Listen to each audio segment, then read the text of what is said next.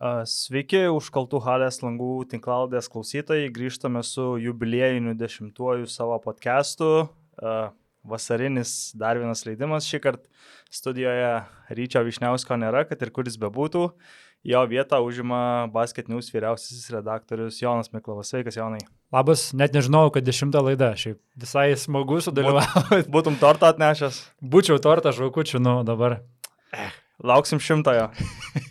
Ir gal nieko nelaukdami pradėkime nuo, nuo rimtų reikalų. Praeitą podcastą įrašinėdamas taip ir galvojau, kad, kad įvyks Merfio dėsnis, tik išleisim, praeis porą valandų ir, ir sproks internetas. Kaip pats prieėmė tas žinias iš Kawaii ir PG stovyklos?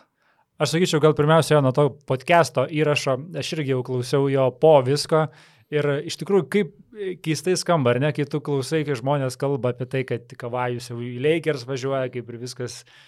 Taip ir visi galvoja, kad taip ir bus. Iš esmės, aš netgi paskui girdėjau, tas pas Bill Simmons darė podcastą Las Vegase, Cezars Pelas rūmose, kur ten daugybė žmonių, žiūrovų ten tokį laivą darė ir jie podcastą irgi darė su tą tokia azumcija, su tą tokiu nustatymu, kad, žodžiu, mes dabar darom su mintim, kad Kavajus į Lakers važiuoja ir kaip viskas greitai sugriūva ir, ir visai kitaip į viską žiūri.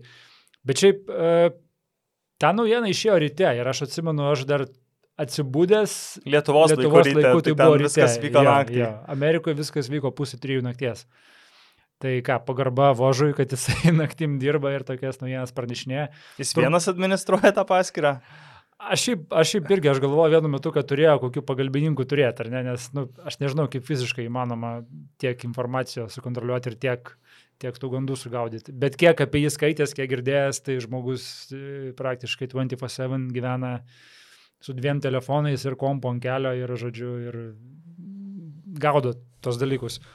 O dėl Kavajaus tos naujienos, tai aš manau, nepasakysiu nieko kažko labai originalaus, pasakydamas, kad čia buvo toks tipinis kavajus ėjimas, ar ne, kur absoliučiai niekas nežinojo, kas vyksta.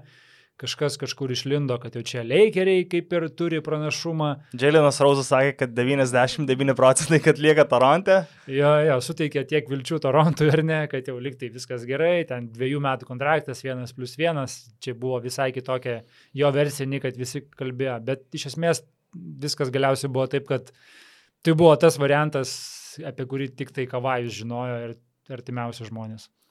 Ir e, dabar žiūrint iš šiandieninės perspektyvos viskas atrodo logiška, nes Kawai prieš 2-3 metus tą patį dar būdamas San Antonijaus Spurs narys kalbėjo, kad aš noriu į Los Andželą, aš noriu į Clipperius.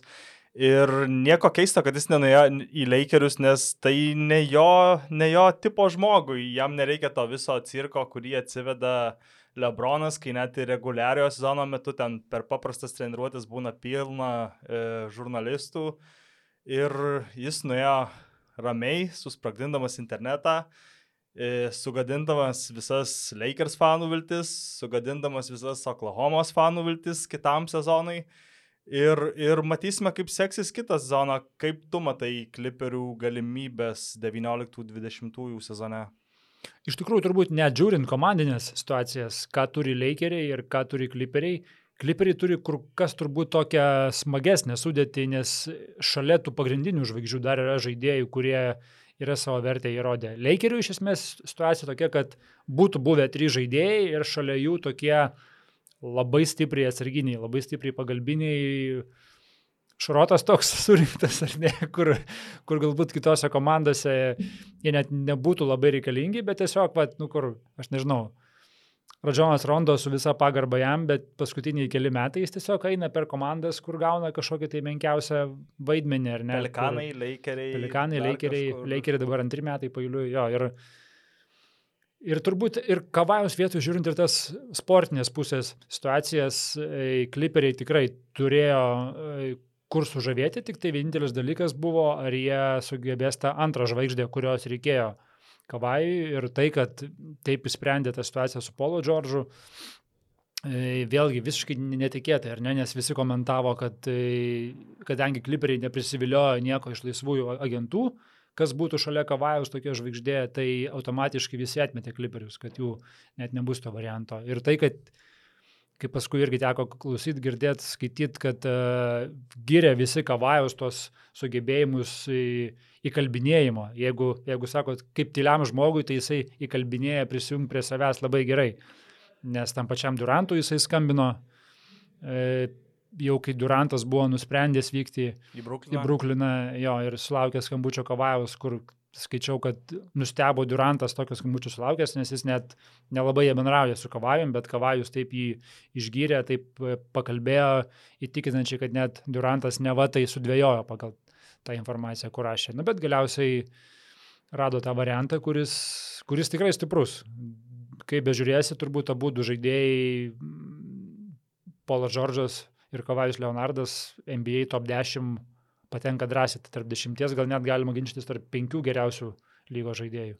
Ir ta kliperių sudėtis bus galinga ne tik puolime, bet ir gynyboje, nes prie, prie šių dviejų super talentų prisidės Petas Beverly, prisidės Montrezlas Harris, Harrelas. Ir, ir prieš juos bus sunku ne tik apsiginti, bet ir užpulti, kai, kai jie sugebės iš esmės viską, tiek perimetrė, tiek ir baudos aikštelėje visur keistis prieš iš esmės bet kurį varžovą.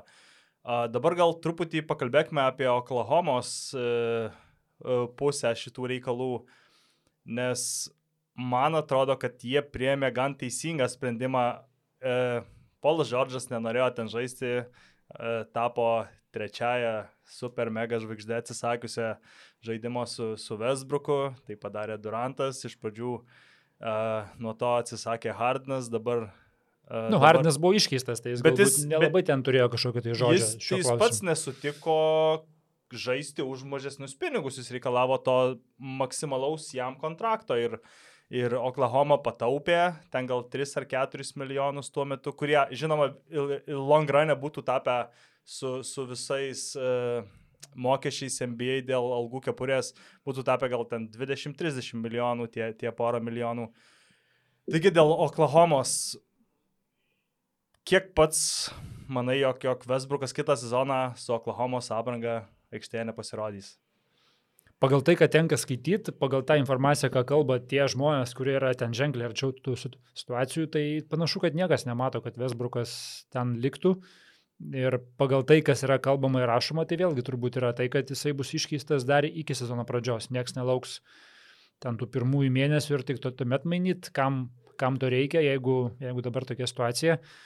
11 metų jis praleido Oklahomui, nu, toks tapo savotiškas komandos veidas ar ne, bet iš esmės po Duranto išvykimo Oklahoma taip ir nelaimėjo nei vienos serijos playoffų. Ir tas playoffų pergalių skaičius yra nežinau, 3, 4, dabar tiksliai nepasirašiau prieš podcastą, ja, tas ja. skaičius yra, yra labai mažas ir gal čia šiek tiek prisidės mano asmeninės antisimpatijos Vesbrukui, bet man kitą sezoną, jeigu jį iškeis, aš gal net labiau pradėsiu Oklahomos žaidimą žiūrėti ir stebėti tuos jaunus talentus, kaip, kaip jie ten vystosi. Nes tai, ką pastarosius du metus darė Rasas Oklahomoje, man švelniai tariant nelabai patiko, nes viskas prasidėjo nuo jo to nepagarbaus pokalbio su žurnalistu, next question, next question, I don't like you. Vėliau, dar vis būdamas lygos MVP prieš du metus serijoje, e, pirmame rate jau turėdamas PG ir Melo savo sudėtyje, e, jisai ir visa Oklahomos komanda galbūt net kiek netikėtai nusileido Jutai. 4-2, man atrodo, seriją pralaimėjo ir man labai įsiminė jo citata po trečiųjų rungtynių, kai Jutai įsiveržė į priekį 2-1 ir tas trečias rungtynės Rubio gan neblogai sužaidė, įmetė ten gal iš 10-9 metimus, 20 su viršum taškų įmetė ir jis po tų rungtynių spaudos konferencijoje pareiškė, kad I'm gonna uh, shut this shit down. Yeah, yeah, buvo. Šitą. Prieš Rubio. Ar tikrai tai tas žaidėjas, kurį dengdamas lygos MVP turėtų sakyti, kad aš jį visiškai uždengsiu? Ta prasme, tai Rubio, jeigu labai norėtų, tai galėtų uždengti, nežinau, Arnas Butkevičius arba Edgaras Ulanovas. Jis nėra kažkoks superinis polimo talentas. Ir ar čia tikrai prieš jį turėtų... Bent jau taškų prasme. Ta prasme, Taip, žinoma, gali žinoma. kurtis, gali stot, bet nėra to žaidėjas, kuris ten sumetinės taškų kas kartą 20. Plus. Ja, ir ja. tai jeigu tu nori kažką labai stipriai uždengti ir atiduoti visas jėgas gynyboje, tai dengt, tarkim, uh, Jutos tas Mitčelas. Va, Donovaną Mitchellą įdengto, o ne, o ne, o ne Rubio, kuris ir laisvas dažnai prameta iš tritaškio. Uh, serija buvo pralaimėta, atėjo dabartinis sezonas, nusileista Portlandui, sezono viduryje Vesbrukas bandė pasišaipyti iš Vesbruko su tuo tave, tave darau polime, kaip nešioju. Ne iš Vesbruko, iš Lillardo. Iš Lillardo, Vesbrukas iš Lillardo Jo, bandė jo. pasišaipyti, kad aš tave polime darau taip, kaip nešioju kūdikį. Uh, matėm, kas visko, kad, kad, kad kaip viskas gavosi iš to. Dar prisideda, nežinau, man tai čia akivaizdus dalykas, kad jisai e, pedina statistiką, kad, kad tie jo trigubi dubliai bent jau man tai jie nieko vertinės. Ar jisai nusimtų tą atkovotą kamulį, ar ten jį nusimtų Adamsas ir ar jis ten turėtų 10 reboundų statistiko, ar jis ten turėtų 4, Oklahomos e, rezultatai per daug ne, nepasikeistų. Ir e, netgi mačiau statistiką, kad Westbrookas yra gal antras lygoje pagal tai, kaip dažnai jo dengiamas žmogus meta laisvas ar apylaisvis. Mhm. Tai reiškia, kad jisai netiek daug at- atiduoda darbą gynyboje vien dėl to, kad atsitraukia nuo savo dengiamo žmogaus, kad galėtų eiti kovoti dėl kamulio. Dažnai statistika, tie patys skaičiai, jie pagrindžia, kad e, trigubi dubliai Vesbruko yra laimintis Veda į krepšinis. kamulį, veda, atsiprašau, veda į pergalės Į komandą. pergalės, taip, nes jeigu ten paimtum tuos skaičius, kiek, jis, kiek komanda laimi, kai jisai surinka trigubą dubliai, tai yra geresnis procentas negu kai nesurinka. Tai teoriškai pateisina tas, tas jo pastangas tam trigubui dubliui. Bet da galima būtų pažiūrėti jo statistiką, kai surinka 9 kamuolius ir ten 12 asistų, ar ten 8 kamuolius ir 7. Ar labai yra didelis skirtumas, ar jis atkovos 10 kamuolių ar 9? Nu, iš esmės, skaičiai, kaip ir sako, yra turbūt didžiausias melas pasaulyje. Tu juos gali suvartyti taip, kaip nori, pagal save ir kiekvienas ras argumentų, kurių jisai nori. Bet iš esmės, turbūt taip, aš taip įsivaizduoju, su tokiu žaidėju turėtų būti pakankamai sunku žaisti. Ir, ir dėl to, koks jis yra aikštelėje, ir dėl to paties charakterio, nors charakteris vėlgi, kiek, kiek kalba tie buvę komandos draugai esami, kalba, kad jis yra labai geras komandos draugas. Bet galbūt tiesiog jis nemoka to savo gerosios pusės parodyti visuomeniai, nes nu, tai, ką mes matom ar ne tai, ką mato žiūrovas, tai yra visai kitas. Bet ir ne vien tai, yra tekę, yra tekę kalbėtis su žmonėmis, su kolegomis, kurie vat, yra buvę Tanderių rungtynėse, dar kai ten Sabonis žaidė Domantas.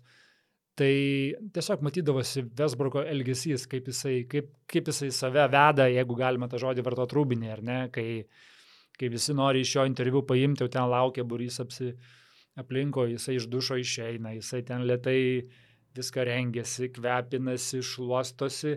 Daro tai vis atrodo, kad kuo ilgiau, kad e, priverstų to žmonės kuo ilgiau laukti. Nu tai, nežinau, ta prasme, tik, tikrai turbūt tas žmogus, su kuriuo turėtų būti sunku vienoje komandoje yra Oklahoma. Oklahoma turbūt e, su šitais ėjimais, su tuo pirmuoju ėjimu su Džordžo iškeitimu, jie pradėjo atsinaujinimą, kuris e, veikiausiai užsibaigs su Vesbruko išsiuntimu Ir, kažkur. ir tas paketas, kurį Oklahoma gavo už PG, yra milžiniškas. Jie iš esmės gavo net daugiau negu Pelikanai gavo už Anthony Davisą. Uh, tai yra, man atrodo, keturi ne, neapsaugoti pirmo raundos e, šaukimai, vienas apsaugotas, tada gal uh, du pikų susikeitimai, kas jo. irgi daro labai uh, didelę reikšmę atėjus, atėjus draftams. Ir dabar gal trumpai dar galima pakalbėti apie galimas Westbrooko destinacijas kitą sezoną po mainų, nes esu skaitęs, kad tikėtiniausia, jog jis būtų iškeistas į Miami. Kaip pats matai tą situaciją? Nes vėlgi tai yra toks taškas, kur turbūt ir jis pats visai norėtų žaisti. Miamis yra vieta, kuri vilioja žaidėjus ir dėl miesto, ir dėl klimato, mokesčių mažesnių. Taip, Floridoje ten tie mokesčiai mažesni. Ir aš manau, kad šiuo atveju vis tiek klubas neiškeis Vesbruko, neatsiklausęs jo nuomonės. Tiesiog jis turi tame klube tokią, tokią svarę rolę, kad jisai tikrai priiminėja sprendimus dėl savo ateities, priiminės šiuo atveju sprendimus dėl savo ateities ir tikrai jisai nesutiks į kokį Memphį būti išsiųstas, kad ir Memphis, jeigu, tarkim, teoriškai norėtų, nors aišku, to nebus, nes nu, jie pakvietė J. Morantą, ar ne, žaidėją ateities. Tai Miamis tikrai yra tas variantas, kuris dažniausiai linksniuojamas, bet vėlgi įdomu būtų pamatyti vienoje komandoje jį su Jimmy Butleriu. Abu du karšti vyrai, abu du e- emocingi vyrai ir kaip jie sugebėtų tuos savo charakterius suderinti, man labai kelia klausimą iš Taip, aš, aš irgi sutinku dėl Miami varianto ir man atrodo, kad ir ta visa Miami kultūra labai atitinka Westbrooką. Pridėjus dar dabar, kad ten žais ir, ir Butleris, nes Miamis yra viena iš tų retų komandų, kurios iš esmės niekada netankina dėl, dėl piko. Jie visada a, kaip šunys ten išsikovoja dėl tos, kad ir paskutinės playoffo vietos, kad ir aštunti liks, bet, bet e, vis tiek pateks į ten ir, ir mums nereikia ten maždaug tyčia pralaiminėti, nors e, matant jų 2006-2007 sezono e, pergalių ir pralaimėjimų santykiai, ar gal 7 ir 8, kai jie pašūkė Michaelą Beasley, galima būtų susidaryti kitą nuomonę, bet Miamis vis tiek yra ta komanda, kuri, kuri savo kultūrą būtų pri, pri, prieinama ir, ir tinkama Westbrookui. Bet tuo pačiu ir tai būtų visai kitokia situacija nei Oklahoma. Miamis turi Petą Railį, kuris ten kieto kumščio politiką valdo ir realiai jisai yra svarbiausias žmogus toj organizacijai. Tas pats Lebronas, kodėl jisai galiausiai bėgo iš Miamio, net tu, turbūt normaliai nepasikalbėję su vadovais, nesisveikinęs. Man regis, jie iki šiol net su Petru Railiu nesikalba, nes, mhm. nes, Geras. nes Petras Railiai, jisai, jis, jisai kaip tik yra labai priešingas daugeliu NBA komandų kitur, kur, tarkim, Oklahomui, Westbrookui yra leidžiama viskas, ar ne, jis ten galėjo atsikalbinėti medijai, jis ten galėjo su žiūrovais kažkaip grubiau dar kažką. Miami nieko panašaus nebūtų, nes Petas Railė yra tas žmogus, kuris e, šitą visą bulšitą nukerta anksti, net neleidžia įsiviešėti šitokiai situacijai. Ir tam pačiam Lebronui būdavo, kai jisai Klyvlendė ten galėdavo ir savo bičiulius, kartais su komandos lėktuvu skristi kažkur pasiimti draugus, ar ten e, arenoje draugai turėdavo kažkokių praėjimų, nes jie yra Lebrono draugai ir jie gali ten vaikščioti koridoriais. Atvykus į Miami šitas dalykas buvo labai stipriai užkirstas, nežinau ar visiškai užkirstas, bet labai stipriai užkirstas, nes Petas Railį turi savo taisyklės. Tai manau, kad Vesburgas nebūtų išimtis ir Petas Railiai tikrai jam įvestų labai griežtas ribas, ką jisai gali daryti ir ko negali daryti. Ir tas Vesbruko elgesys, akivaizdu, kad jis turės pasikeisti ne tik už aikštės ribų, bet ir aikštėje. Jis nebegalės daryti tai, ko nori. Uh, Miami'e jam žaidžiant su Butleriu, aišku, galima būtų diskutuoti, ar jiems užteks metikų talento, nes abu yra tokie pusėtini metikai ir jeigu jie ten švaistytų e, toliau po savo 25-30 metimų per, per rungtynės, tai kažin ar, ar, ar labai kas gautųsi. Uh, NBA gal, nežinau, dar gal... Apie tuos mainus dar kalbant, e, kiek daug gavo Oklahoma už Džordžą ir teko irgi... Ir dar gal gaus už Westbrooką. Jo, jo, dar gaušiai ir, ir tai parodo ir sugebėjimus Emo Preščio.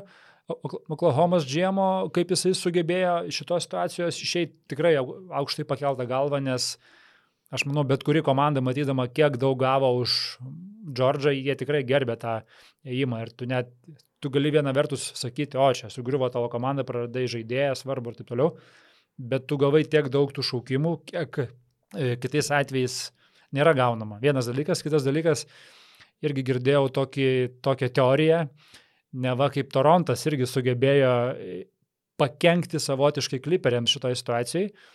Torontas į, įsijungė irgi į tas kalbas su Oklahoma, kur buvo išėję kalbos, kad Oklahoma siūlė Torontui Džordžą ir Vesbruką. Už Sijakamą ir dar ten gal už jo, žaidėjus. Nežinia, kiek tai buvo pažengę, bet automatiškai kaip ir bet kuriuose dėrybose, bet kuriam pirkime, kai tu dėriesi su dviem potencialiais pirkėjais ar ne, ar dviem pardavėjais, kaina yra kitai, negu kad, kai kalbėsiu su vienu. permušti vieną. Jo, jo, tai automatiškai kliperiai jautė, kad yra dar tas Toronto variantas ir jie turėjo atiduoti turbūt žymiai daugiau, nei kad jie būtų atidavę tuo atveju, nei kad Toronto nebūtų buvę. Tai Torontas suvaidino tokį vaidmenį, kad jie tiesiog pakėlė kainą, kurią kliperiai turėjo mokėti. Kodėl tai blefavo, gal kažkaip net kažkiek. Pilnai gali būti, jo, nes vėlgi teko girdėti, kad Toronto Džemas Masai užžyrė, jis taip paskutiniu metu neapkentė kliperių, nes matė, kaip kliperiai visą sezoną stipriai, aktyviai Stokina. dirbo su kavajum, ten vis rungtynėse koksai žmogus pirmoji eilėje su kliperiu, džemperiu sėdi ir panašiai, nu tokias, tu tokie smulkus dalykai. Užžyrį tai matė, užžyrį tai žiauriai pyko, jisai ant kliperių laikė tokį dantį ir jis dabar norėjo kuo, kaip, kaip, kaip įmanoma labiau, kad kliperiai nukraujuotų gaudami kavajų. Ir jis tikrai pasistengė, sudalyvaudamas tuose mainuose tiesiog kaip toksai žmogus keliantis bendrą kainą ir jisai tikrai prisidėjo prie to, kad Oklahoma gautų turbūt daugiausiai, kiek per NBA mainus yra gavusi komanda paleidžianti savo žvaigždę. Ir NBA yra uždrausta atiduoti du metus iš eilės savo pirmo raundo šaukimus, tai ten buvo taip, kad Clipperiai, man atrodo, turėjo du šaukimus dar nuo Blake'o Griffino laikų pirmo raundo, tai atidavė vien, vienų metų savo, kitų Miami, tada vėl savo, tada vėl Miami. Ir Oklahoma gavo ne vien pikus, aišku, jie gavo Shea Gilgis Alexander, kuris yra pakankamai yeah. perspektyvus starto penkito žaidėjas atidavė Galinarį, kurio kontraktas baigėsi kitą zoną. Po tai, metų, ja. tai, tai irgi pasibaigus šiam kontraktui vėlgi galės Oklahoma daryti su tais atlikusiais pinigais, e, ką jie norės. Ir dar buvau radęs internete vieną tokį e, e, tikėtiną e, mainų scenarijų, kai Oklahoma į Houstoną išsiųstų Westbrooką ir Adamsą už CP3 ir Clintą Kapelą. Ir tik tada perskaitęs tą scenarijų e, atsiminiau, kad CP3 yra žaidęs Oklahomoje. Oklahomai? Jo, atsimintum kokį scenarijum gal. Ai, kai New Orleanas taip, taip, taip. į Oklahomą. Jo, jo, tai, tai CP3 vienas, vieną sezoną žaidė Oklahoma City Hornets gal tada jo, vadinosi jo, jo, ta komanda ir, ir jis ten tikrai... Jie turbūt jie vadinosi New Orleans Hornets, bet jie žaidė per slešą. Oklahomai. Ai, per slešą buvo, tiksliai. Gali būti, kad ten du metai. New Orleans Oklahoma Hornets, jo, jo, tai buvo. Tai va, tai jam ten nebūtų nauja, aišku, čia reikėtų labai daug kaladėlių sustumdyti tam, kad, kad, kad šitie... Bet šiuo atveju, kam, kam reikia Oklahomai tokio baisaus polo kontrakto ir to paties kapelos tokio baisaus kontrakto, jeigu jie iš naujo viską statosi? Tą patį turi Šiai Aleksandr, ar ne, kaip ten dvi pavardės žiauriai sudėtingos. Šiai Gildžis, Šiai Gildžis, tai čia du vardai turbūt. A, ok. O ne Gildžis. Nu, nežinau. Savo neišmanimą rodom. Bet kuriuo atveju, ta prasme, kam, kam Oklahomai paimti didžiulį polo kontraktą, polas irgi ne iš tų lengvųjų žvaigždžių, tikrai su, su charakteriu stipriu žaidėjas ir Jeigu tu perstatinėjai savo komandą iš naujo, turi tiek pikų, kviesi tiek daug jaunų žaidėjų, kam tau reikia galvos skausmo, kuris dar uždirba krūvą pinigų. Tu išsiunti vieną galvos skausmą ir tu gauni kitą. Tai aš kažkaip nelabai tikiu tokiu variantu. Taip, tai mažai tikėtina. Uh, nežinau, dar nori kažką aptarti apie NBA iš tos sferos? Man galbūt įdomiausias dabar šitų mainų aspektas toksai, kad tai, turbūt per ilgą laiką nebelieka tokio didžiojo trejeto. Uh, būdavo komandose didėjai trejetai, ar ne, nu, Warriors, galėjai sakyti, gal net ketvirtas buvo paskutiniu metu, žiūrint, kaip tu vertinsi klėjų ir, ir Dreymondą. Tai gal esmė, tik kad... šį sezoną nebuvo Dreymondas All-Staras, visą laiką būdavo keturios e, žvaigždės, net ir All-Starų dalyviai vienoje komandoje. Ir va, tikrai matėm kurį laiką, prieš tai buvo Lebronas Lavas Irvingas, prieš tai buvo Miami, tas trejetas, e, prieš tai buvo Bostone, dar KG, Pirsas ir Realinas, ar ne? Matėm, kurį laiką lygoje, kokį 10-12 metų buvo 12 gal ne, ar ne, 7-8 buvo Bostone. Nu, jo, 12 metų praktiškai, kai buvo tie tokie didieji trejetai, ne va tai formulė į tai, jeigu tu nori tapti čempionu. Ir dabar turbūt yra pirma vasara, kada nei viena komanda tokio didžiojo trejeto nesuformavo. Bet visi tikėjosi, kad tai bus Lakeriuose ir iš esmės, kaip ir kalbėjo, kad tokiu atveju iš karto galim tą titulą padėti ir visi kiti kovojam dėl antros vietos, o jie pasiims tą pirmą vietą. Bet tai neįvyko ir iš esmės yra tokie, daug, daug tokių yra dviejatų, duetų stiprių, ar ne? Ten sus... Bruklinė turėsim dabar naują Durantą ir Irvingą nuo dar kitų metų, nes dabar, aišku, dar Duranto nėra. Uh, Lakeriuose bus Davisas su Lebronu, Kliperiuose Džordžas su Kavajum, Filadelfijoje Embidas Simonsas. Trečia tokio ryškaus galbūt, gal net galima sakyti, kad dar net šitie du žaidėjai nėra tokio lygio, ar ne, būtų pakankamai. Tai yra Embidas jauni. ir tada labiau sakyčiau Simonsas su Tobias Harris. Jo. Yra labiau tokio antro levelio užvaigždės. Dar galima būtų pridėti galbūt Jutos komandą, kuri gal irgi neturi aukščiausio to lygio žvaigždės, bet turi tokias uh, dvi, tris mažesnės žvaigždės - Goberas, Mitčelas, dabar dar Bogdanovičius. Maikas Conley. E, Maikas Conley, e, tuomet... E, persi... Nu, Warriorsai tie patys, Warriorsai kariai ar ne Thompsonas Grinas, jeigu kažkurį iš jų mes priskirsime prie tų topinių žaidėjų. Tada Denveris su turbūt Jogačiu galima vadinti to aukščiausio lygio žvaigždė ir vėlgi tada mažesnių tokių žaidėjų kaip, kaip Murėjus. Galbūt dar galima ir Milsepą pri tam pri, pri, priskirti. Taip, tu teisus nėra. Rockets, Rockets su Hardinu ir su Polu. Jo, jo, visai pamiršau. Nu, jo. Tai va daugybė tokių komandų, kur tokie yra du žaidėjai. Portlandas su. Lillardu McCollum. Nu, jeigu Makalama vėl galima Irgi, prie priskirti, turbūt e, toj visoje kompanijoje turbūt Makalamas čia toks Simonso. Simonso turbūt Mhm. ne, dar nėra tokio aukščiausio levelio žaidėjas. Bet iš esmės ir turbūt ir tai garantuoja tą intrigą, kokios nebūdavo paskutinius kelis metus, ar ne, nes visi žinojom, kad žais finaluose Lebrono komanda rytuose, o vakaruose Warriors paskutinius penkis metus. Prieš tai irgi žinojom, kad bus Miami's, nu ir iš vakarų kažkas ateis. Trijulė dar buvo sparsų tų pačių, ar ne? Dankanas, Parkeris, Žinobili, tai galbūt netgi dar, dar ilgiau negu 10-12 metų reikėjo trijų žvaigždžių komandai. Dabar panašu, kad tikrai nebelieka tokio varianto, kad būtų trys žvaigždės vienoje komandai. Jo, laukia labai įdomus kitas sezonas su, su labai daug amerikietiškų kalnelių. A, dabar gal pereikime prie, prie kitos temos. Sekmadienį baigėsi iki 19 metų pasaulio čempionatas. Žinau, Jonai, per daug, per daug nesidomėjai galbūt, tų pačių rungtynių nežiūrėjai. A, nežinau, kas, kas labiausiai įsiminė, gal ka- kažką gali pakomentuoti apie tą čempionatą. Aš sakyčiau, pats pasiekimas, man, man tikrai nustebino pasiekimas. Aišku, galima sakyti, ten kažkiek sėkmės ar ne, formatas toksai, kuris, kuriame loterija vos net, ta prasme, playoffai realiai vyksta nuo pat pirmo etapo iki paskutinio. Tai bet, bet kuriuo atveju patikimas į top 4 rinktiniai, kurioje tikrai nėra kažkokių tai pirmo ryškumo talentų. Besirvydžio dar žaidė. Besirvydžio šitą rinkinę žaidė taip. Vienintelis žaidėjas, kur ten iš ko galima tikėtis kažkokios didesnės karjeros, mano galva, neužgaunant visų likusių pavardžių, nu, tai yra Rokas Jokubaitis.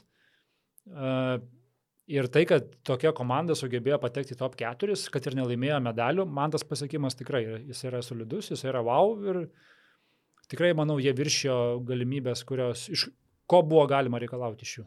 Ir tas e, pasiekimas dar geriau atrodo, matant, kad baigė čempionatą rinktinė su minusiniu pergalių ir pralaimėjimų balansu. Nes Mhm. komanda iškovojo tik tris pergalės, keturis kartus pralašė ir vis tiek pateko į pusfinalį.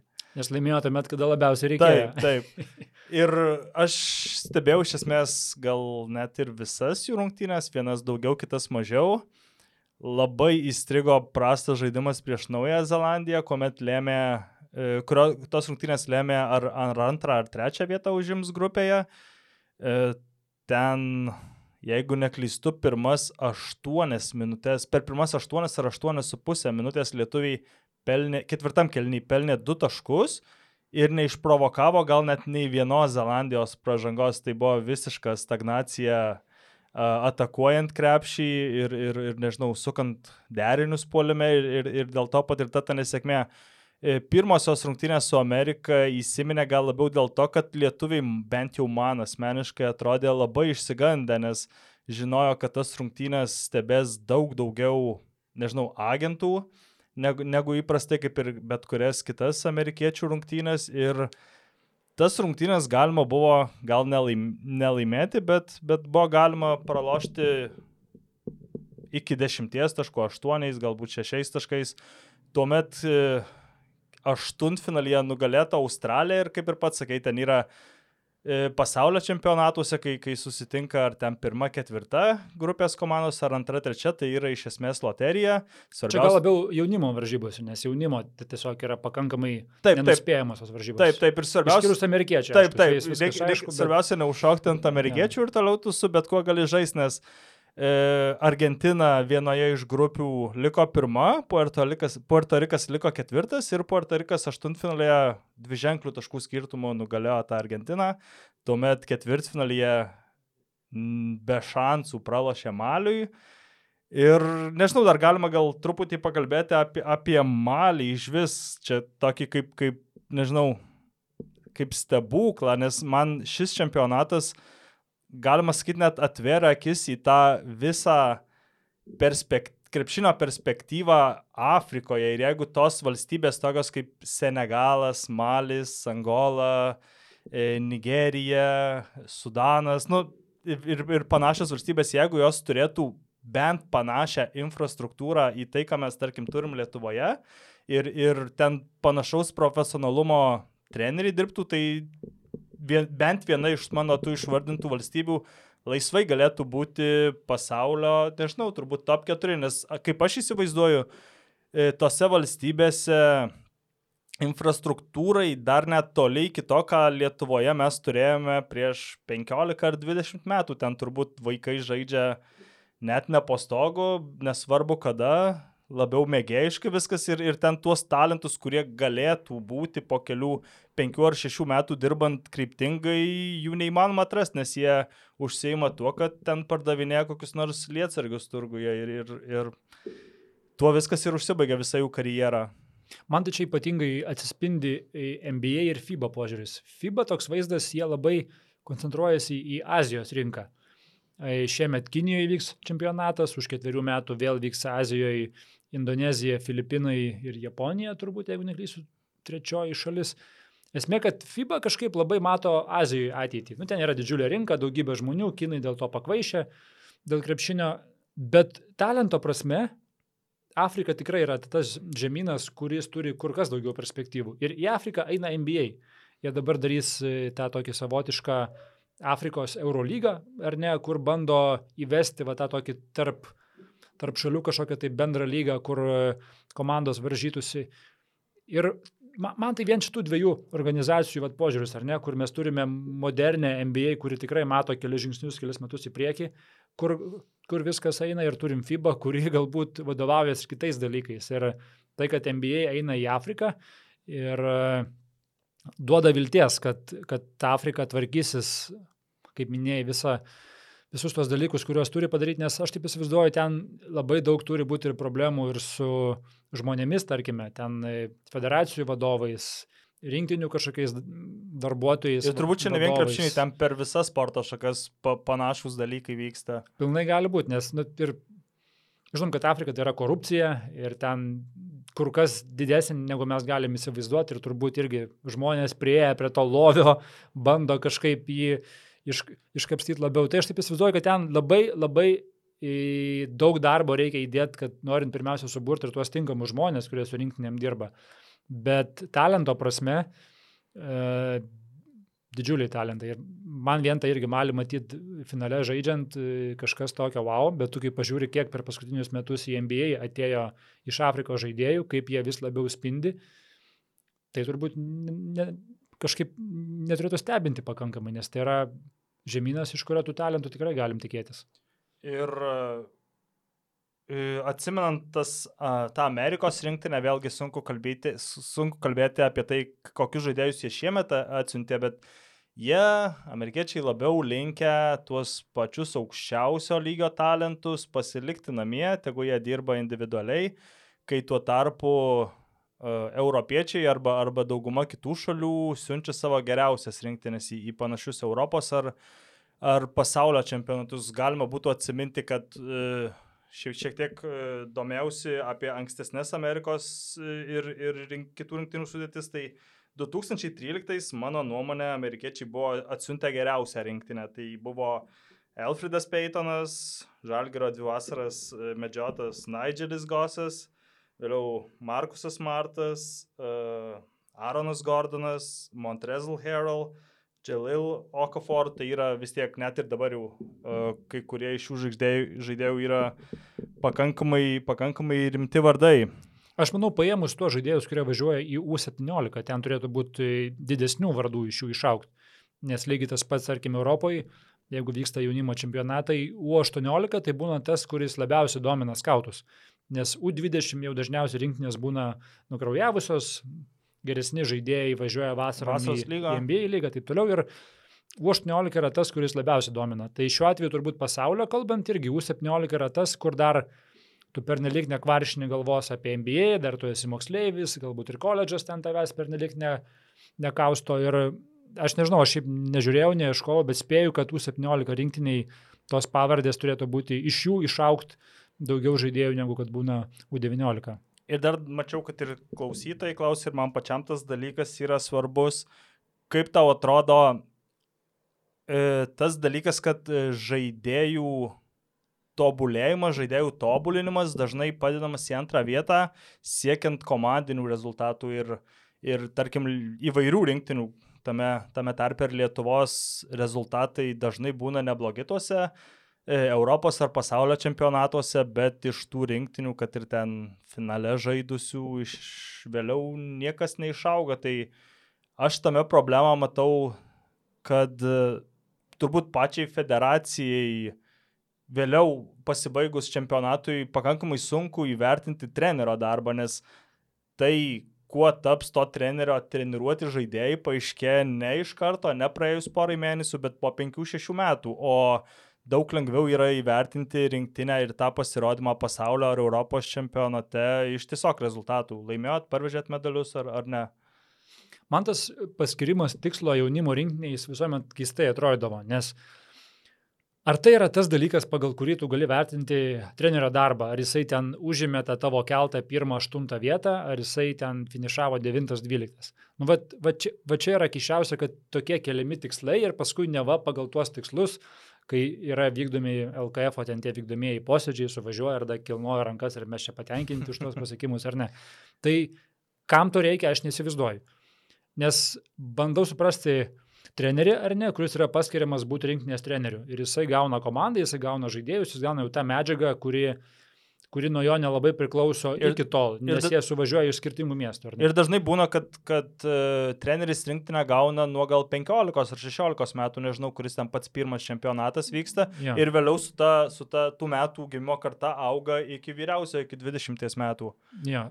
Ir jam gavus tą rinktinę, nu, jisai vis tiek, jisai turi siekti kažkokių tai tikslų, kuo aukštesnę vietą užimti. Jis turi tą mėnesį laiko, ten birželio Liepos mėnesį, jis per tą mėnesį žaidėjo individualiai neužaugins, jis nepadarys iš Jokobaičio geresnio žaidėjo, iš Venskaus geresnio žaidėjo, jis turi pasiekti su komanda kaip įmanoma daugiau.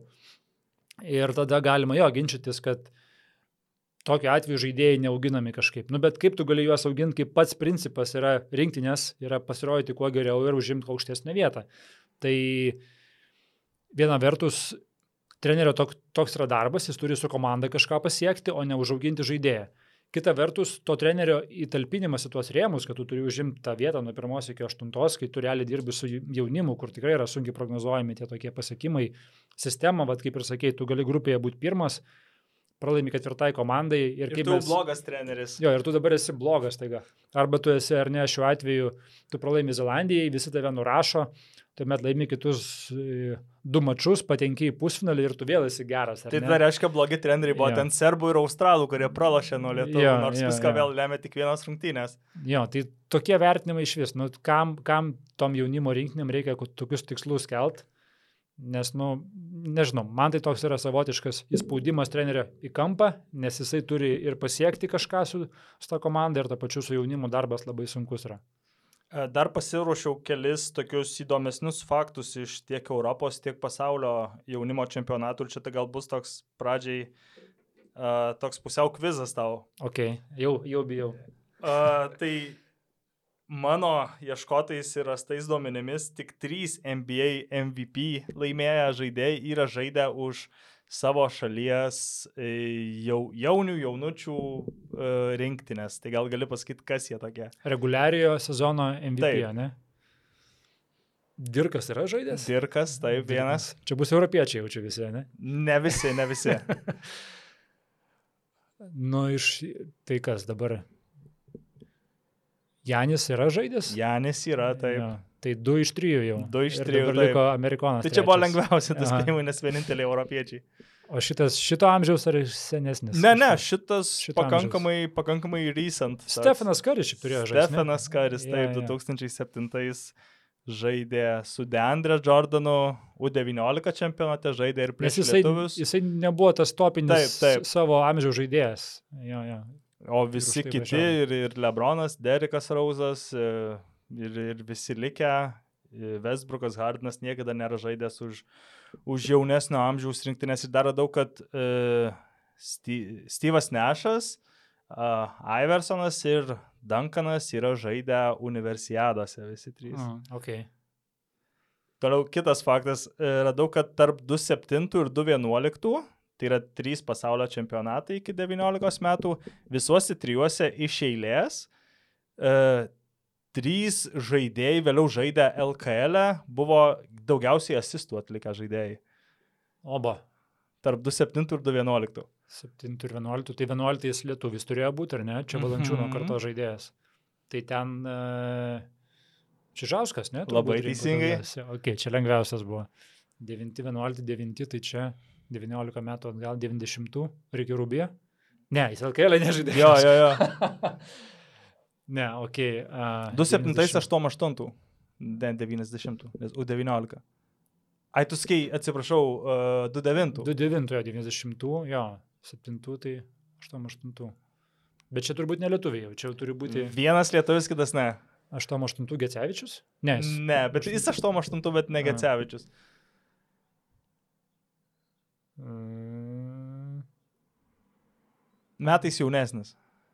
89. Jo, Žygis Senavičius. taip. Žygis Senavičius. 27. Ir dabar lieka 29, tai čia gal tas ispanas, kur Dzukijai žaidė? Ne, Ne? ne, bet legionierius.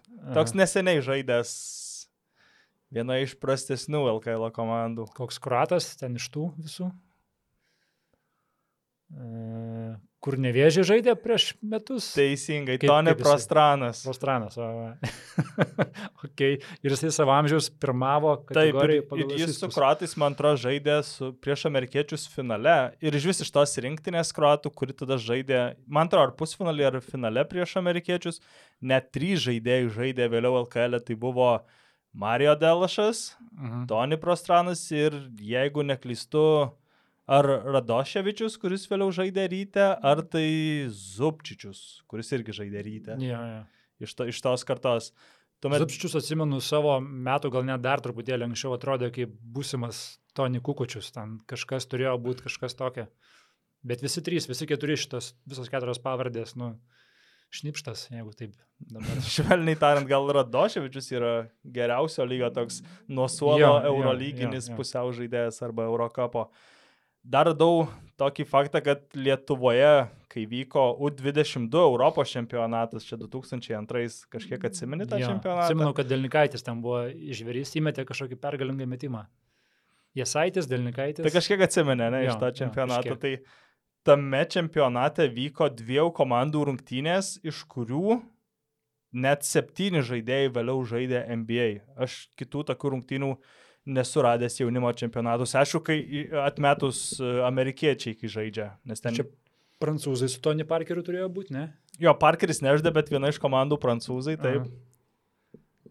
O kita ispanai tada? Ne ispanai. 80 karta, tai čia gazoliogi karta visai, ne? Bet jeigu ne ispanai, ok.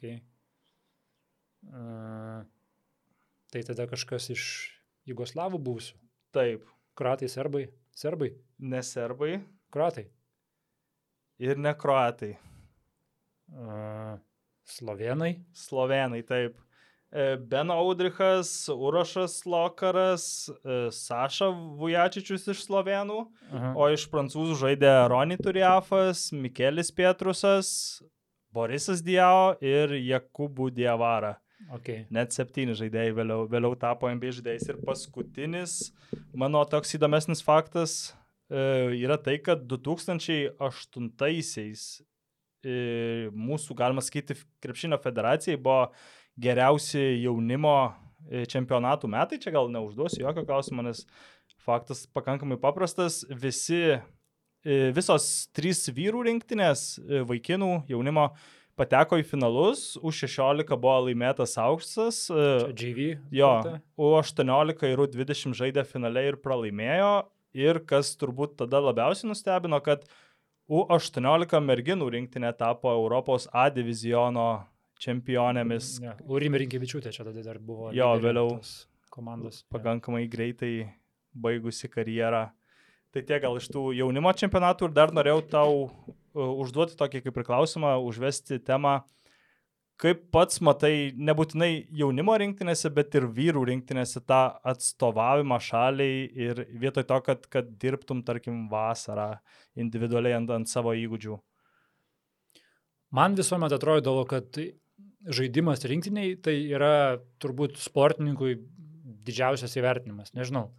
tu uždirbi pinigus visus likusius metus ir taip tau reikia individualiai tobulėti, bet aš tai bandau savai įsivaizduoti savo, jų, jų vietoje save, ar ne, man turbūt tokio atveju klausimo nekiltų. Aš bandyčiau rasti savo tobulėjimui laiko kažkada, kita, kažkada kitų metų, ar ten tą patį birželio mėnesį, jeigu tu MBA pasibaigi, nepatinki į playoffus ar ne, balandžio vidury tu realiai jau esi laisvas, mėnesį pailsi ir tu tikrai turi daugybę laiko iki rinktinės. Tai pavyzdžiui, šiemetinė valančiūno situacija, nu kur, manau, jam jau atsibodo nieko neveikti, jam jau norisi rinktinėje žaisti.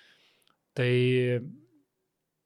man čia kažkaip net nėra klausimo, aš kažkaip visuomet už tą pusę, kad rinktinėje turi žaisti, jeigu tik tai tavo kojos laiko, rankos laiko, tai kodėl ne, o tam asmeniniam tobulėjimui tikrai galima rasti laiko kažkada kitų laikų. Bet kas man labiausiai nepatinka yra gal tai, kad tie rinktinės žaidėjai atrodo nušviečiami kaip kokios aukos, kurie aukojasi dėl šalies ir kurie čia gerą daro. Nu, faktas, kad jie garsina šalį, kiek to garsinimo, aišku, yra krepšinėje, palyginus su ten kokiu futbolu, tai čia kitas klausimas, bet reiktų prisiminti ir tai, kad jie ne tik daro gerą šalį, bet jie ir patys savo gerą darosi, nes kur tu gila, kokią dar platformą krepšininkai gali turėti geriau parodyti savo įgūdžiam vasarą negu, negu žaidimas už rinktinę.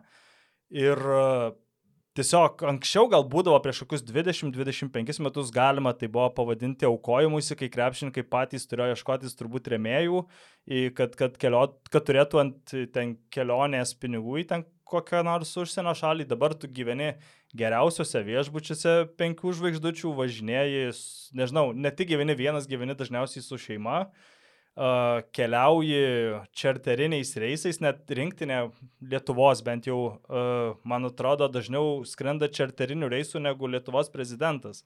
Jie visur iš esmės skraido, jeigu, va, gal šiemet į Kiniją ne, nepavyks, manau, nes, nes atstumas didelis, bet jie iš esmės visur skraido, skraido čarteriniais reisais, geriausiais autobusais važinėja, nuvažiuoja iki arenos, treniruotė, dušas atgal į, į gerą viešbutį. E, Tuomet e, tas rodimas savo įgūdžių, net susiradau porą pavyzdžių, kaip, kaip tai privedė prie, prie, prie realių e, kontraktų, nes tarkim įdomu, kiek 2016 Kuzminsko pasirašytas kontraktas su Niksais e, buvo prieitas prie to, kad Kuzminskas 2014 metais pasaulio čempionato pusfinalyje jis parodė, kad gali žaisti prieš amerikiečius ir suždė puikias rungtynes dar ten atsimenu, kad, kad ir per Hardiną porą kartų pakankamai paprastai praėjo.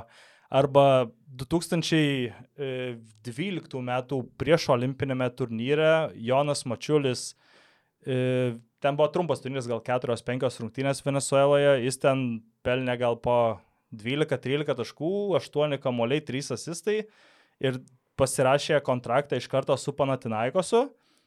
Ir tuomet olimpiadoje jau po kontrakto iš Jono Mačiulio liko šnipštas. Jis ten rinko iš esmės po du taškus ir, ir kovojo du kamuolius.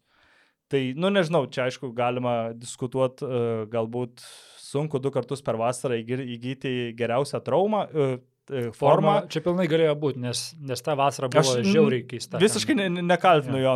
Jono ar, ar, ar ten kažką, bet tik noriu pasakyti, kad čia yra win-win situacija. Čia nėra taip, kad e, krepšininkai aukojasi, jie dėl mūsų gerą daro, jie savo ten nieko negauna. Jie gal taip finansiškai iš esmės gal nieko negauna, gal ten yra kokia nors, nežinau, pagal įstatymus turi rinkti, nemokėti jiem dienpinigius ar kažką. Yra, bet jo, ten tie pinigai tikrai. Jo, nu tai centai faktas, bet, uždirbtų.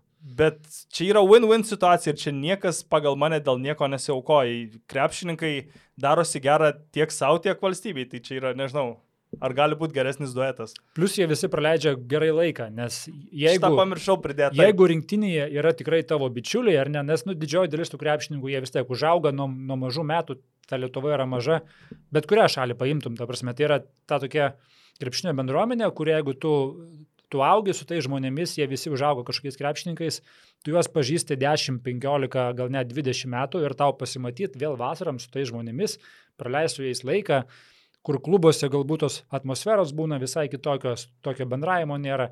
Čia yra smagu, čia tu atvažiuoji, pabūni su sava Hebra ir dar važiuoji kovoti dėl aukščiausių titulų, kur kiekvienam sportininkui vėl yra, ar ne, tik tai noras laimėti kažką. Tai, nu, iš tikrųjų, čia tikrai negalima dėti kažkokio tai aukos vaidmenį, kad jisai kažką čia aukojasi.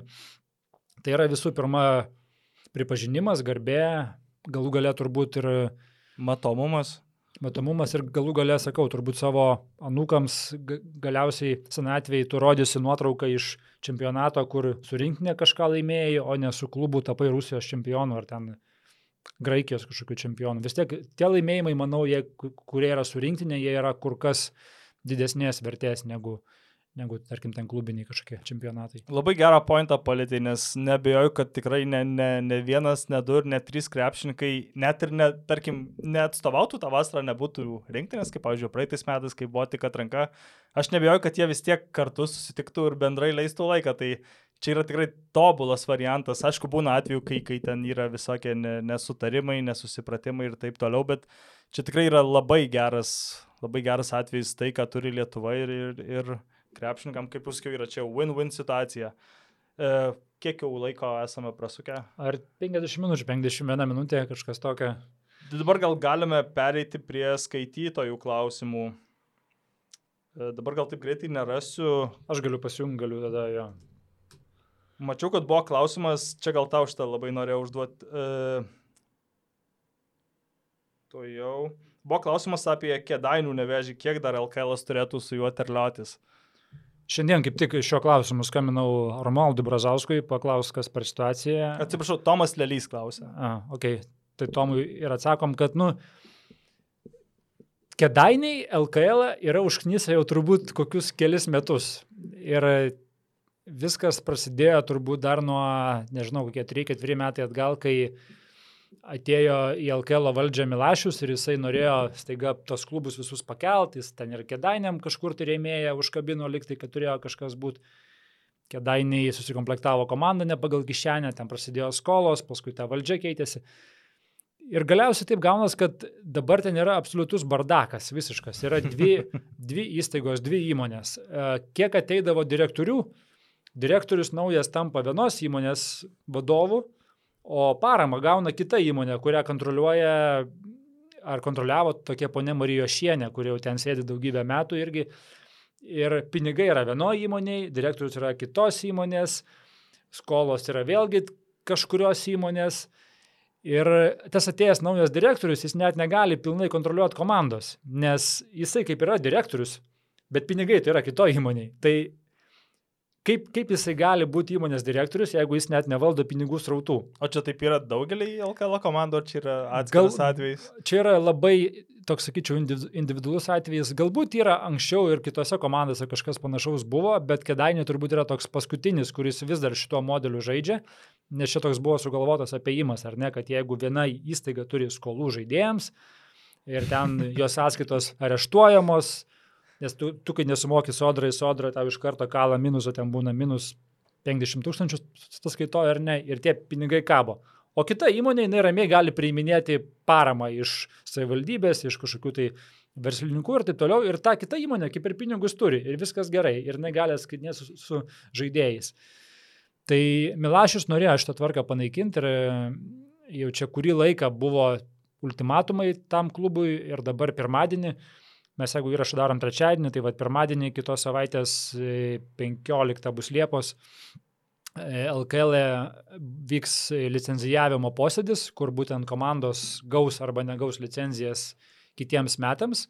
Ir kedainių klausimas ten tikrai bus tas, kuris bus aktyviausiai, aišku, diskutuojamas, nes nu šiai dienai ta visa informacija, kuri ateina iš jų, yra tokia, kad e, neprokurė negali gauti licenzijos. O tai nėra taip, kad ta pati situacija jau vyksta ten, kaip ir pats, kai 3-4 metus, kad jie neprokur, neprokur ir vis kažkaip prasisuka. Juos, juos vis dengdavo savivaldybė. Juos vis dengdavo savivaldybė, savivaldybė vis tų pinigų išskirdavo, išskirdavo, išskirdavo.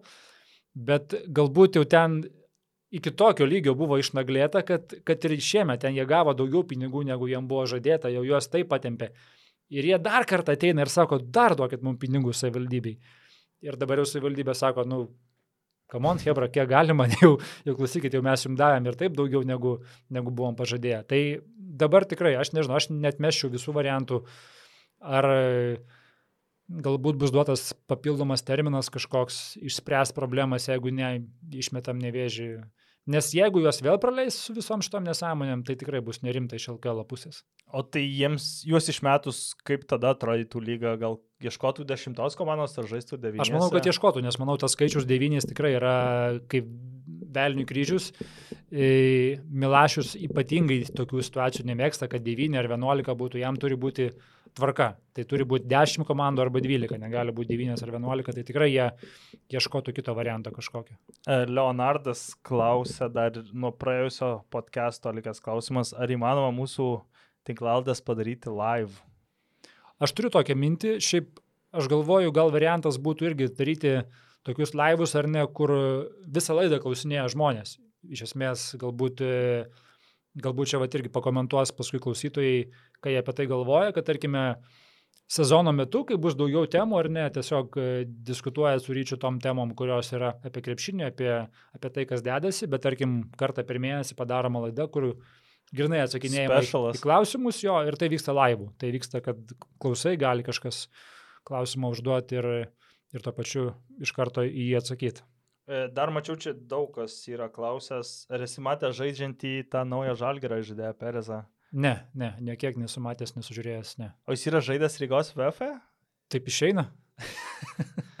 tai vienas iš jo baigė karjerą, vad Kavaliauskas anksčiau žaidęs VF, dabar kitas ateina. Kaip vertini Kavaliausko pasitraukimą iš krepšinio, bent jau profesionalaus? Šiaip tikrai nustebino. E, aš manau, kad tai nulėmė iš esmės tai, kad jis negavo pasiūlymo į žalgerę. Aš taip spėju, kad... Nebuvo jeigu... visiškai jokio pasiūlymo. Jokio, jokio nebuvo pasiūlymo absoliučiai, jisai, jisai buvo paleistas toksai ir Žalgiris tikrai nerodė jam tokio dėmesio ir jam nieko nežadėjo ir jam nieko nesakė. Aš manau, kad jeigu jisai būtų gavęs pasiūlymą iš Žalgirio, jis dar metus būtų pažaidęs. Bet kai iš Žalgirio pasiūlymas netėjo. Į rytą negalėjai. Į rytą negalėjai, lieka variantai užsienyje. Nori, gal? Nes užsienyje tikrai, ta prasme, tokio lygio žaidėjas kaip Kavaliauskas, jisai, aš manau, Ispanijos ACB vidutiniokose drąsiai gautų vaidmenį. Ir ten rungtynės galbūt tik vienos per savaitę. Jo, jo. Tai Italija ta pati tikrai ta prasme tų komandų atsirastų, kur jisai būtų galėjęs dar 100-150 tūkstančių per metus užsidirbti. Bet tiesiog turbūt žmogaus noras buvo toksai, kad jis nebenorėjo vykti į kažkokią tai kitą šalį. Šeima, vaikai ar ne, vaikams mokyklos, šitie klausimai, kuo vyresniam žaidėjui, tuo jie yra svarbesni. Ir keisti vėl tą aplinką, galbūt dėl vienų metų, pabaigti karjerą vėl komandai 10, 12, 15, galbūt nėra taip smagu, kaip pabaigti, nebūnant čempionu. Tris metus išėlės. Jo, ir galbūt tie dalykai buvo pasverti ir aš taip spėčiau, kad tai, tai buvo pagrindinis motyvas. Gal, gal dar jisai būtų uh, rinktinėje pažaidęs, jeigu ta situacija būtų buvusi kitaip susidėliojus. Ten, kiek žinau, vėlgi buvo taip, kad e, treneris Adomaitis jam pasakė, kad e, jeigu Gudaitis važiuoja į rinktinę, tau vietos nebus Antanai. Ir, nu, ir tokiu atveju, nu ir ką. Ir tu toksai būsi, nežinia, važiuosi būdamas veteranas į rinktinę, nebūdamas nei, nei tikras, jo, jo, ar tu pateksi į tą rinktinę ar ne. Ir, ir turbūt tiesiog vėlgi čia turbūt buvo toks sprendimas abipusis, nu kad jeigu ne, tai ne, ir tada aš nevažiuoju. Ir aš taip, aš taip spėčiau, kad jisai galbūt dar būtų linkęs sužaisti rinktinėje ir tada paspe, paskelbti apie tą karjeros pabaigą, bet jeigu dabar tai viskas susidėliojo. Išėjimas toks, sakyčiau, tikrai aukštai iškeltą galvą. Ta prasme, Antanas tą savo vaidmenį, kurį turėjo Žalgirė, tikrai išpildavo šimtų procentų, toks stabilus atsarginis centras. Išeina gana jaunas, 34 metų ar ne, bet išeina būdamas čempionas. O kaip dėl Westermano ir jo išeimo į Fenerbakčią? O čia, sakyčiau, čia tikrai toks smūgis, aš manau, Žalgiriui. E, nes jie gana anksti planavo, kad Westermanas liks.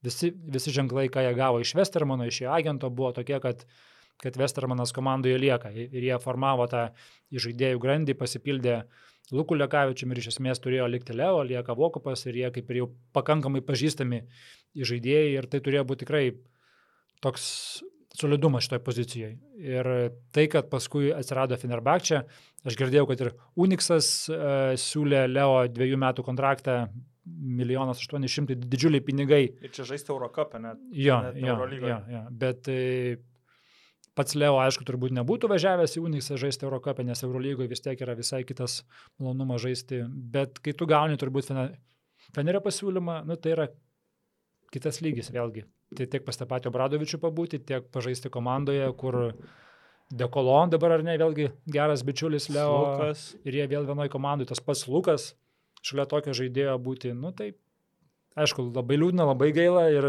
Žalgiriui čia, manau, tikrai toksai smūgis, prie kurio jiems reikės mėnesį, porą spalio lapkritį tikrai taikytis. Atrodo, kad daugumą klausimų atsakėme, atsiprašome, kurių, kurių nepalėtėme arba kurių neįvardinau, kas būtent uždavė klausimus, nes kai kurių klausimai buvo panašus.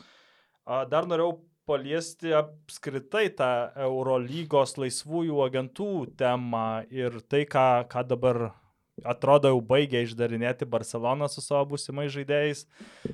Brinesas, Mirotičius, a, Higginsas, Deivisas. a, Brandonas Deivisas. Dar, va, nežinau, kokia ten paugo zolio situacija, aš vis dar kažkaip tikiuosi, kad, kad Hortelio kontraktas dvigubai didesnis negu jo, Sluko. ten horteliai kokius Jis- pinigus moka, tai aš nežinau, nu, kosmosėlis biški. E, dabar sužinojome vakar, kad, kad Panatinaigosas pasirašęs, pasirašė su Jimeriu Fredetu, jau buvo kalbos apie, apie jo persikelimą į Europą, gal ir, ir praeitą sezoną, gal ten e, tiksli komanda nebuvo įvardinta, bet aš manau, kad kitas zonas laukia labai įdomus ne vien, ne vien NBA ir, ir Eurolygoje, ir tiek komandų, kiek, kiek uh, realiai kandidatuos į, į čempionų titulą, bus labai įdomu pamatyti ir žiūrėsim, kokia situacija su tuo didžiuoju trejetu, kuris buvo iki šiol, su Fenerbakčia, su, su CSK, nes CSK irgi kažką reiks daryti, nes ir Higginsas išeina, ir paaiškėjo, kad ir Rodrigasas išeina, ir Dekolo išeina. CSK atrodo labiausiai nu- nukraujavusi komanda. Tikrai labai stipriai ir kol kas nėra tokių ėjimų, kurie atsvertų šitos išėjimus jų. Galbūt laukia, kol baigsis NBA vasaros lyga, gal ten kažkokie dideli vardai liks be kontraktų, juos pasirašys, arba, nežinau, praėjusį sezoną Kinijoje žaidė žaidėjai sustiprins, bet jo, Tas CS... pats Milanas su Etorė Mesina yra visai kitas žvėris nei buvo su Simonė Pienedžianį. O ten sudėtis gal daugmaž tokia pati lieka. Daugmaž tokia pati lieka, ten kol kas tokių didelių ėjimų nėra, irgi galbūt kažko yra laukiamo, galbūt tam pačiam Mesinai dar reikia įsivažiuoti šitas pareigas. Galbūt kažko labai daug iš jo pirmais metais nereikia tikėtis, bet kad tai bus dar viena jėga į playoffus, tai galim nebejoti. Tas pats Himkis su Kurtnaičiu, ar ne? Kurtnaitis atėjo jau įsibėgėjus sezonui. Dabar, manau, tai tikrai bus irgi ta komanda, kuri kabinsis į playoffus visom jėgom. Ir žinant, kad kitą sezoną Eurolyga žais dar dviem komandom daugiau ir tas Asvelis ir... Kas Alba. dar? Alba. Asvelis Alba tikrai neteis šiaip pasiuostinėti vieną sezoną, bandys Oliną stumti iki... iki... Asvelis kažkaip pagal tai, kokios pavardės dabar yra, ten kažko labai daug tikėtis ne- nereikėtų. Pagal tai, kokios pavardės dabar Asvelį, Zenitė tam pačiam, A jo, dar Zenitas. tos komandos taip iš karto atrodo, kad nu, jos labai aukštai kažko, iš jų labai daug kažko tikėtis nereikėtų. Ta pati Alba, kad ir kaip jinai simpatiškai atrodo prie Reneso sistemos, bet čia yra aukštesnis lygis. Ir ar jiems iš karto tie pirmie metai bus tokie, kokiu galima tikėtis iš jų, kažin. Nu, man gal šiaip palba labai patinka, dėl to aš aš šiais gal tikiu kitam sezonui Asveliu, dėl Asvelio taip, tu gal ir, gal ir teisus. Ir vien patekimas į playoffus panašu, kad kitą sezoną bus, nenoriu sakyti, čia misija neįmanoma, tikrai viskas įmanoma, bet a, pasiekti juos ir aplenkti bent vieną iš tų klubų, kurie po šio sezono e, per vasarą tampa tokiais banginiais milžinais, nes, nu, Panatinaikosas tikrai neperka Fredeto vien tam, kad vėl 0-3 ketvirtfinalyje pralaimėtų nuo, nuo Realo, ar ten kaip, kaip uh, Armaniai net nepateko į playoffus, arba, nežinau, tikrai visi norės išspirti visokius ten tuos pačius CSK ar, ar, ar, ar Fenerbakčia, kurie, kurie vis tiek prarado porą žaidėjų į NBA, dėl to laukia. Ta pati Baskonė atrodo nukraujavus irgi, du žaidėjai į CSK, Voigtmanas ir dar kažkas. į šitas Hillard, Hillard, Da- Damien Hillard kažkas. Hillard jo, jo. Į Porie į Celticsus NBA. ar ne išvažiuoja. Vėlgi atrodo, kad Baskonė ta komanda, kuri viena labiausiai nukraujavusių kol kas su CSK. Galbūt dar ten kažkokie sprendimai laukia.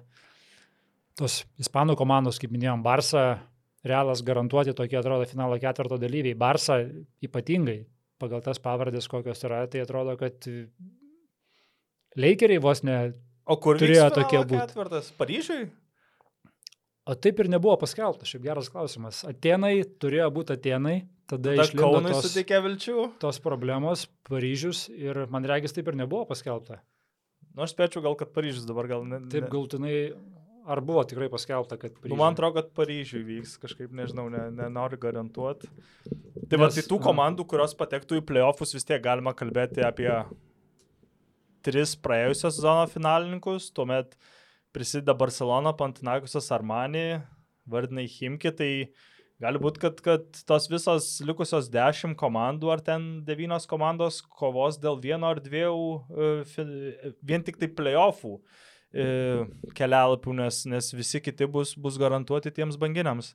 Man, man dar, jo, bent jau Wikipedia rašo, kad dar šiai dienai Atenai yra. Nes, Ai, aš sakau, man regis taip ir nebuvo užfiksuota, Okay. kad visgi iš tų Atenų atima tą teisę.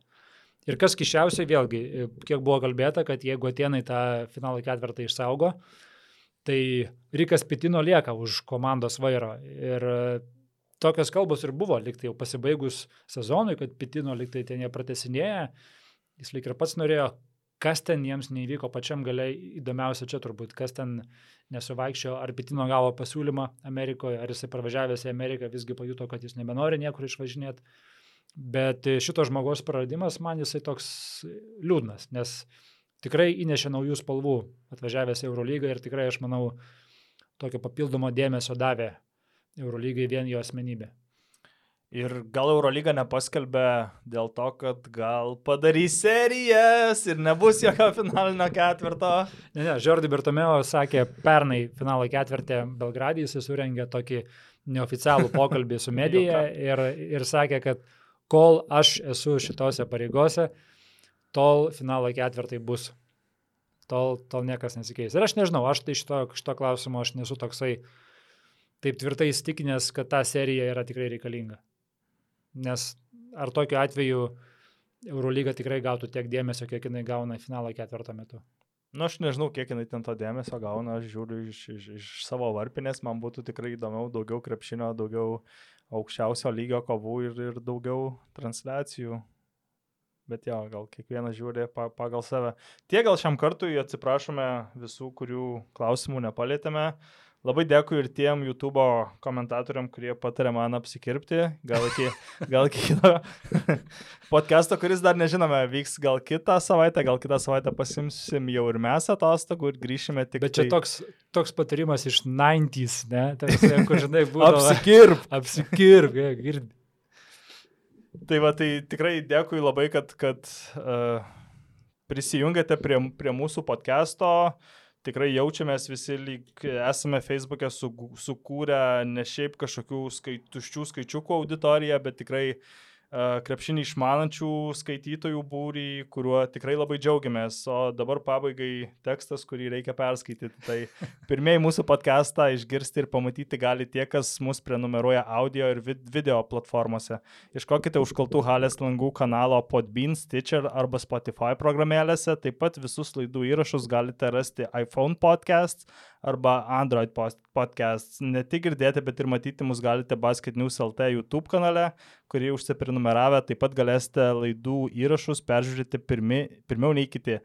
E, Galiausiai visus podcast'o įrašus galite rasti tinklalapyje basketnews.lt skiltyje tinklalaidės. Tai tiek, gal ačiū labai Jonai, kad prisijungiai. Ačiū už galimybę dalyvauti tam dešimtam podcast'e, bet visgi tikiuosi, kad rytis įdegęs, visas palsėjęs, atsigavęs prisijungs prie tavęs ir toliau kursite laidą, kuri, matom, įdomi ne vienam tūkstančiui žmonių.